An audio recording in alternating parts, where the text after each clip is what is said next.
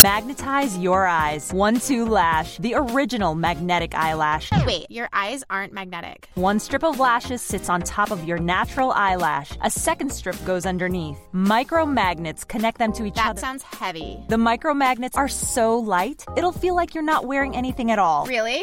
Really. Try this game changing technology for yourself. Listeners can receive $10 off with the code LIFESTYLE just for tuning in. Hurry over to one2lash.com today.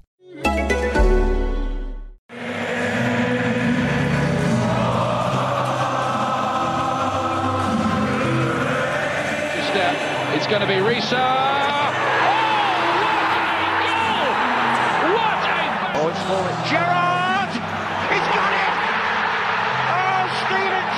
Lovely cushioned header. But Gerrard! Oh, you beauty! It's one of those special, special outfield nights. Remember St. Etienne. Remember Roma. You won't forget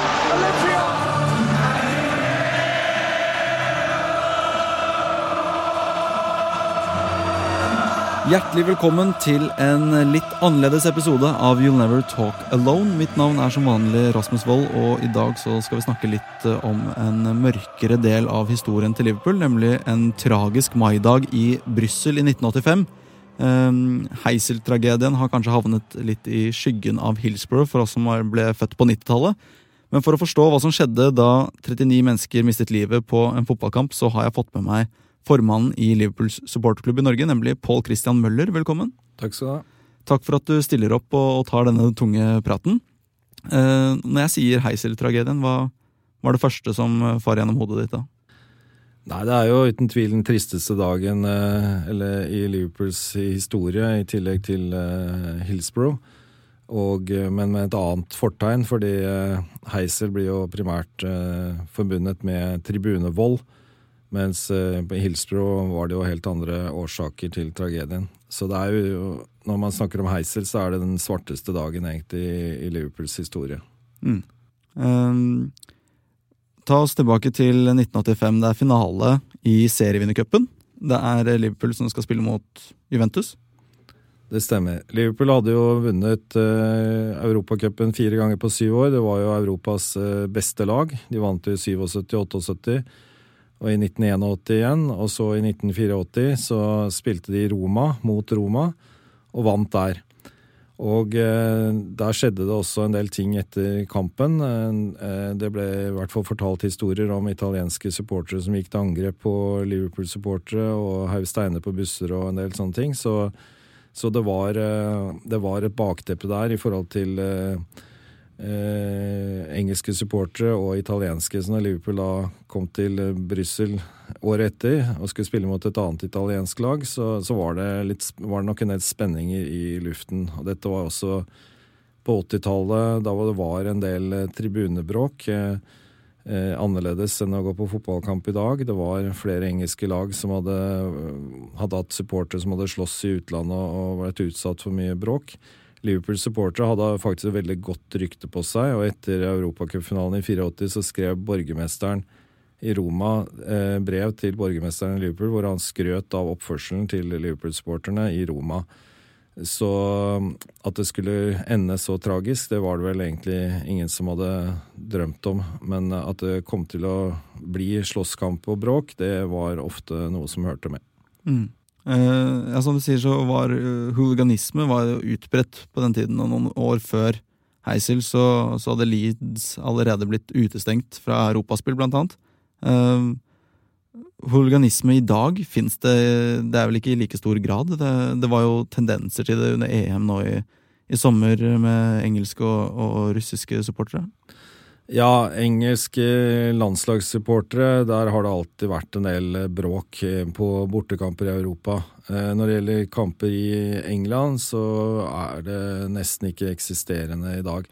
Eh, Det er veldig profesjonelt banemannskap, politi, det er veldig vennligsinnet, det er service-minded, og det er ikke segregering på den måten som det var før. Nå får supporterne lov til å gå om hverandre, så lenge de har sine sine deler av tribunen. Eh, Liverpool og andre engelske lag de er veldig proffe på dette her. Eh, og det er klart at eh, hadde det vært på en engelsk tribune også i 85, så hadde nok dette aldri skjedd. Fordi at det var grove sikkerhetssvikter på tribunen som gjorde at dette i det hele tatt var mulig å utvikle seg til å bli en tragedie. Mm.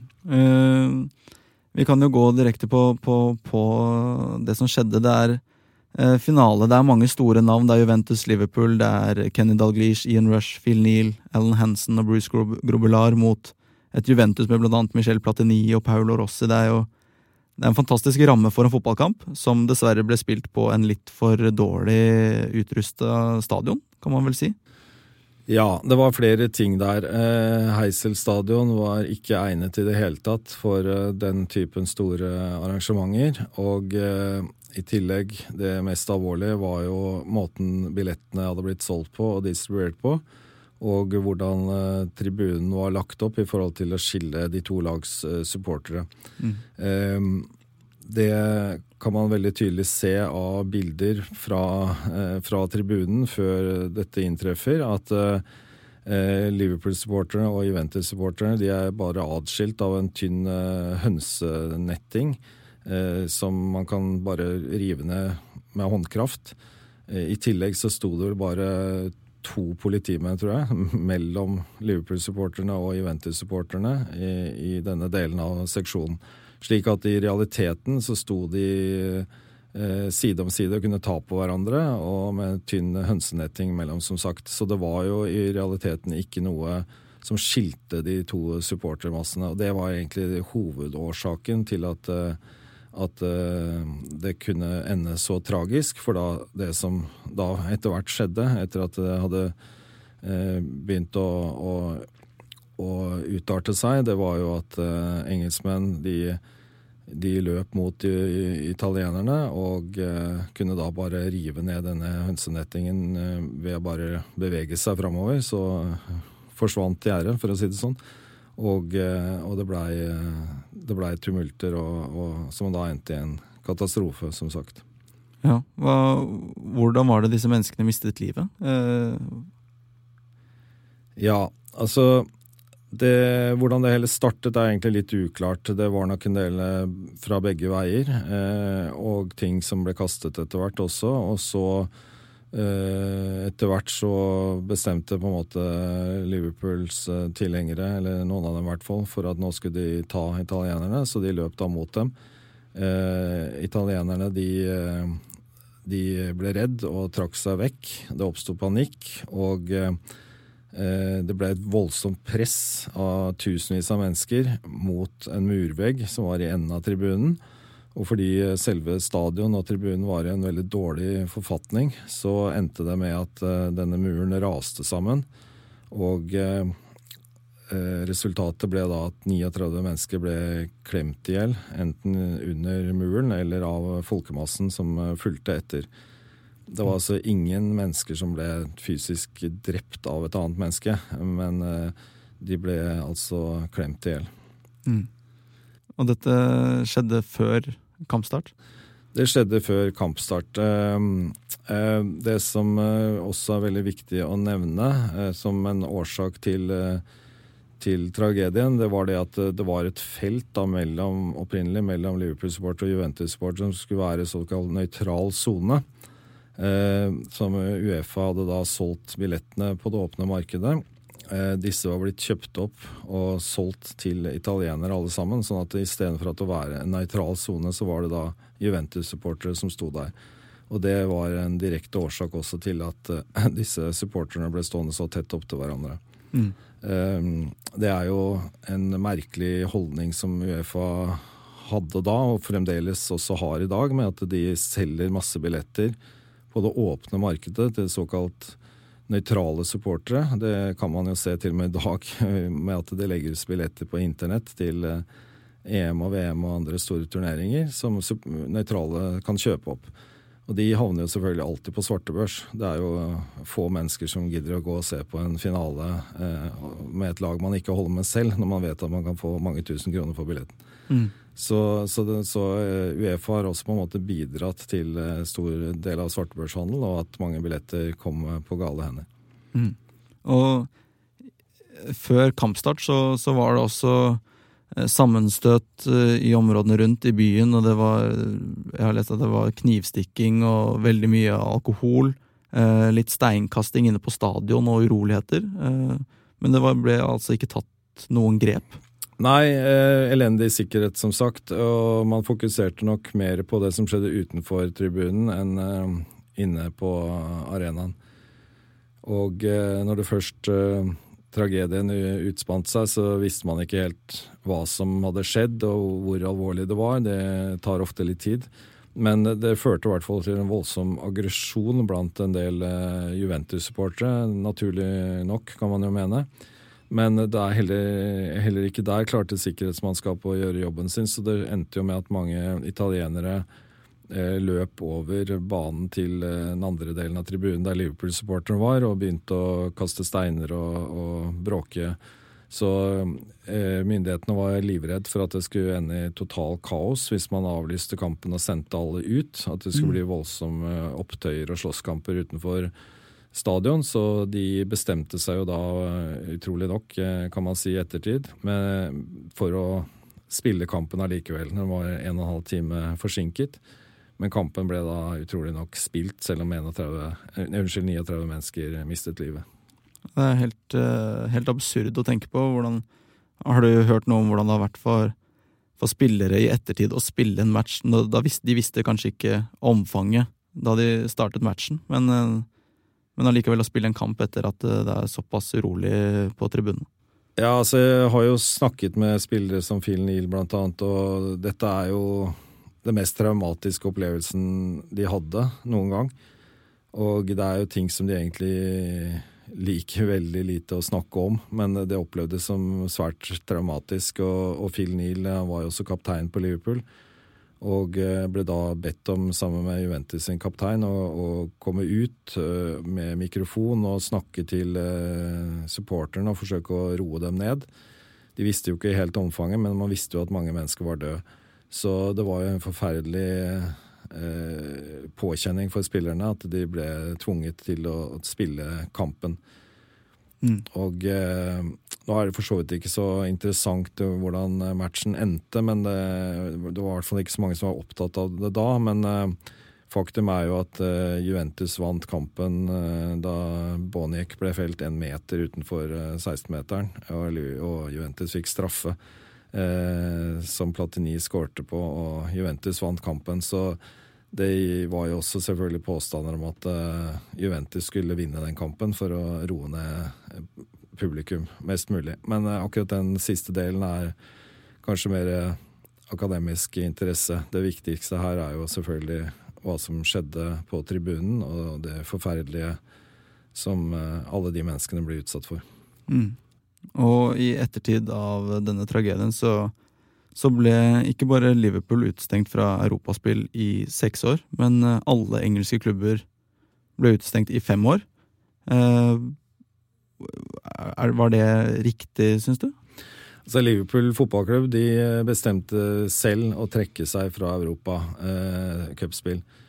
Og dette ble da fulgt opp eh, av myndighetene i England eh, og så, også Uefa. Så det er riktig at eh, alle engelske lag ble utestengt. Det eh, var selvfølgelig mye bitterhet rundt det. F.eks. Everton, som da var veldig gode på den tiden. De vant jo ligamesterskapet et par ganger på 80-tallet og fikk da ikke lov til å spille Europacup pga. det som skjedde. Det er selvfølgelig blodig urettferdig at uh, alle engelske lag skulle bli straffet på den måten, men, uh, men det har også med, sammenheng med Margaret Thatcher og det, det konservative Eh, regime i England som, var, eh, som så på fotballsupporter generelt som, eh, som ja, bråkmakere og voldspersoner. og de var i, grunnen veldig, veldig, negative til fotballkulturen i det hele tatt, og, og var en oppfatning av at supporter skulle sperres inne, og, så ikke de kunne gjøre noe skade på andre. Så man ble jo behandlet som kveg og behandlet som kriminelle. Og eh, når man behandler folk på en dårlig måte sånn sett, så er det jo dessverre ofte sånn at noen da begynner å agere deretter også. Så dette var også helt klart eh, noe som preget av myndighetenes syn på fotballsupportere resten av 80-tallet. Og også politiet og vakthold, hvordan de så på supporterne. Disse skulle sperres inne, de, skulle, de kunne gjøre mye skade og måtte for all del eh, behandles på en tøff måte. Og eh, resultatet av den måten å se på supporterne på, det, det fikk vi da dessverre fire år etterpå, på Hillsborough. Mm. Der eh, 96 mennesker mistet livet, og hovedårsaken til alle disse døde, det var jo nettopp fordi de var sperret inne på tribunene og ikke hadde noen mulighet til å flykte. Fordi myndighetene og, og sikkerhetsansvarlige, de, for dem så var det viktigst å, å sperre publikum inne og vekk fra tribunene eller fra banen. Mens man nå etter Hillsborough har åpnet opp fullstendig og eh, uten gjerder, slik at man er mye mer opptatt av sikkerheten til eh, publikum. Så de tingene som skjedde der det på 80-tallet, de har vært med på å prege veldig mye, på godt og vondt. Og også ikke glemme at bare noen få uker før Heisel så var det jo en stor katastrofe i Bradford da en tribune brant opp og 56 mennesker mistet livet. Så um, dette var eh, en rekke med tragiske hendelser i engelsk fotball på 80-tallet. Mm. Um, når, når, man tenker på Heiser-tragedien, er det noe Liverpool-supportere alltid må leve med? Altså, føler, føler man skyld? Skal man, skal man føle skyld? Er det det, blir det feil å føle skyld for oss nye supportere? Det er jo, de fleste hadde jo ikke noe med denne kampen å gjøre, men det er allikevel et mørkt kapittel. Det er et mørkt kapittel som man skal være oppmerksom på og ha respekt for, men uh, man skal selvfølgelig ikke føle skyld uh, for uh, ting man ikke har hatt Eller skamme seg, er kanskje mer riktig ja, altså, ord å bruke. Det, dette er en hendelse som er, er, ligger langt tilbake i tiden, og, og Liverpool og Juventus har på mange måter også skværet opp for lengst. Det er ikke noe dårlig følelse mellom de. Uh, Ian Rush, som da var kanskje Liverpools beste spiller, han gikk jo til Juventus, faktisk, uh, et par år etterpå og spilte der en sesong. Mm. Og ble tatt imot på en veldig, veldig bra måte. Og så på eh, nå 2004-2005-sesongen, eh, var det vel. Da møtte jo Liverpool Juventus i eh, Champions League. Mm. Og eh, supporterne gikk da sammen med mosaikk på tribunen og, og, andre ting. Som ble gjort både på supporternivå, på klubbnivå og på spillernivå, med, også, med forbrødring mellom de to lagene. Så det er ingen dårlige følelser eller, eh, eller noe uvennskap i det hele tatt mellom de to klubbene. Um, så jeg tror ikke man skal, man skal, tenke sånn. Men det er uh, selvfølgelig en tragedie som uh, syns at det er riktig at man føler litt på. Og uh, det er veldig mye fokus på Hillsbro, med rette. Da var det Liverpool-supportere som var ofrene. Fire år tidligere så var det stort sett italienere som var ofre. Så det er viktig at man ikke glemmer noen av disse tragediene. Mm. men jeg husker også da Alessandro Del Piero skulle gå fra Juventus for uh, noen år siden, uh, så, så, valgte han jo faktisk bort Liverpool til fordel for en australsk klubb, med argumentet om at han ikke kunne gå til Liverpool etter Heisel.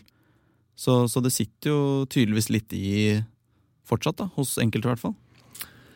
Ja, det vil det kanskje gjøre, men uh men sånn i det store og hele hvert fall, så har jeg ikke noen oppfattelse om at eh, Liverpool har noe dårlig rykte i Italia. Det er en eh, stor Liverpool supportklubb i Italia, og Liverpool har spilt mot italienske lag flere ganger. Så, så jeg, jeg, jeg, føler at det er eh, ryddet opp i, for å si det sånn. Mm. Ja, um og nå er jo nesten eh, alle store stadioner rundt om i verden bygget De har bygget sitteplasser etter dette. her. Eh, og nå pågår det en debatt i Premier League om man skal innføre ståplasser igjen, såkalt safe standing, slik de har i Celtic blant annet. Eh, hvor da Liverpool har vært en av klubbene som har vært imot. Hva tenker du om at det kommer opp en sånn debatt nå, etter altså, Det er mange år etter både Heisel og Hillsborough, men det er jo naturlig at en sånn debatt eh, skaper mye følelser. Ehm, man må egentlig skille litt på det som er realiteten og det som er følelser. Det er klart at hvis man skulle etablere ståtribuner, så vil, jo, vil jeg jo være 100% sikker på at det vil være utrolig fokus på sikkerheten, og at det ikke vil innebære noe som helst fare for de som står der. Eh, det er jo også et faktum at på store kamper eh, så står folk på det kopp stort sett hele matchen. F.eks. når Liverpool spiller mot Manchester United eller Everton, så er det ingen som sitter. De står på plassen sin eh, selv om det er et sete de skulle sitte på. Mm. Så realiteten er nok at det er mulig å få til. Men når vi snakker om det følelsesmessige og de sårene som er etter Hillsborough, så er det selvsagt utrolig viktig at eh, Liverpool fotballklubb ikke er noen aktiv profil her. For det, det, denne tragedien ville aldri skjedd hvis det hadde vært sitteplasser. Så det er veldig mye følelser knyttet til dette. Så personlig så syns jeg at uh, følelsen av respekten for uh, ofrene, det må gå foran uh, alt annet. Så personlig så, så syns jeg at det er noe som bør man bør vente med ganske lenge i Liverpool. Mm. Men eh, hvis dette er noe som kommer til å bli innført på andre tribuner, og man blir mer vant til det, og folk føler seg helt trygg, så, så skal ikke jeg si at jeg er imot uh, mot en sånn utvikling. Men jeg tror at Liverpool kanskje bør være den siste klubben som gjør det. Ja. Um, er det noe du vil legge til om, om Heisel-tragedien før vi runder av her, Pål Kristian? Nei, det var en tøff periode å, være Liverpool-supporter. Eh, man ble jo eh, man ble jo beskyldt for både drap og, og, andre ting. Eh, heldigvis så viste det seg jo etter hvert at det var veldig mange årsaker til det som skjedde. Men, men Liverpool-supporterne eller de som var involvert, kan selvsagt ikke være fri fra sin del av ansvaret. man må bare ta med seg lærdommen av, av uh, tragedier som skjer. Og personlig så er jeg selvfølgelig sterkt uh, motstander av alt som heter vold, og det hører jo ikke hjemme på fotballtribuner i det hele tatt. Jeg, er bare så uendelig glad for uh, hvordan det er i England nå, å gå på fotballkamp der nå. At uh, Som supporter på 80-tallet så følte jeg også selv at jeg ble behandlet nesten som en kriminell, eller en som hadde tenkt å gjøre noe kriminelt. Mm. Generelt, bare fordi du var bortesupporter, så ble det behandlet veldig, veldig dårlig. Så den atmosfæren som er nå på, på kamp, med hvordan politiet er serviceinnstilt, vaktmannskapet, alle er hyggelige, det er jo utrolig mye, mye hyggeligere å gå på kamp nå. Sånn at uh, disse tragediene de har i hvert fall ført noe godt med seg i ettertid. At det å, å, gå på fotballkamp i England er helt ufarlig og noe man uten problem kan ta med barn på eller, eller gå på uten å være engstelig for at det skal kunne skje noe. Mm. Så vi får i hvert fall ta med oss det, at dette har ført til en eh, positiv utvikling i engelsk fotball og fotball andre steder. Mm. Tusen takk for at du kom, Paul Pål Christian, og delte av din eh, kunnskap. Det har vært veldig veldig hyggelig å ha deg i studio. Jeg håper at du som har hørt på det her, også setter pris på, på at Paul Christian kommer og deler av sin kunnskap, og også kanskje at du har forstått uh, litt mer om Heisel-tragedien. Uh, spesielt hvis du er en litt yngre supporter, sånn som meg. Uh, tusen takk, Paul Christian, og tusen takk for at du som hørte på, hørte på. You'll never walk alone. Produsert av Rubicon Radio.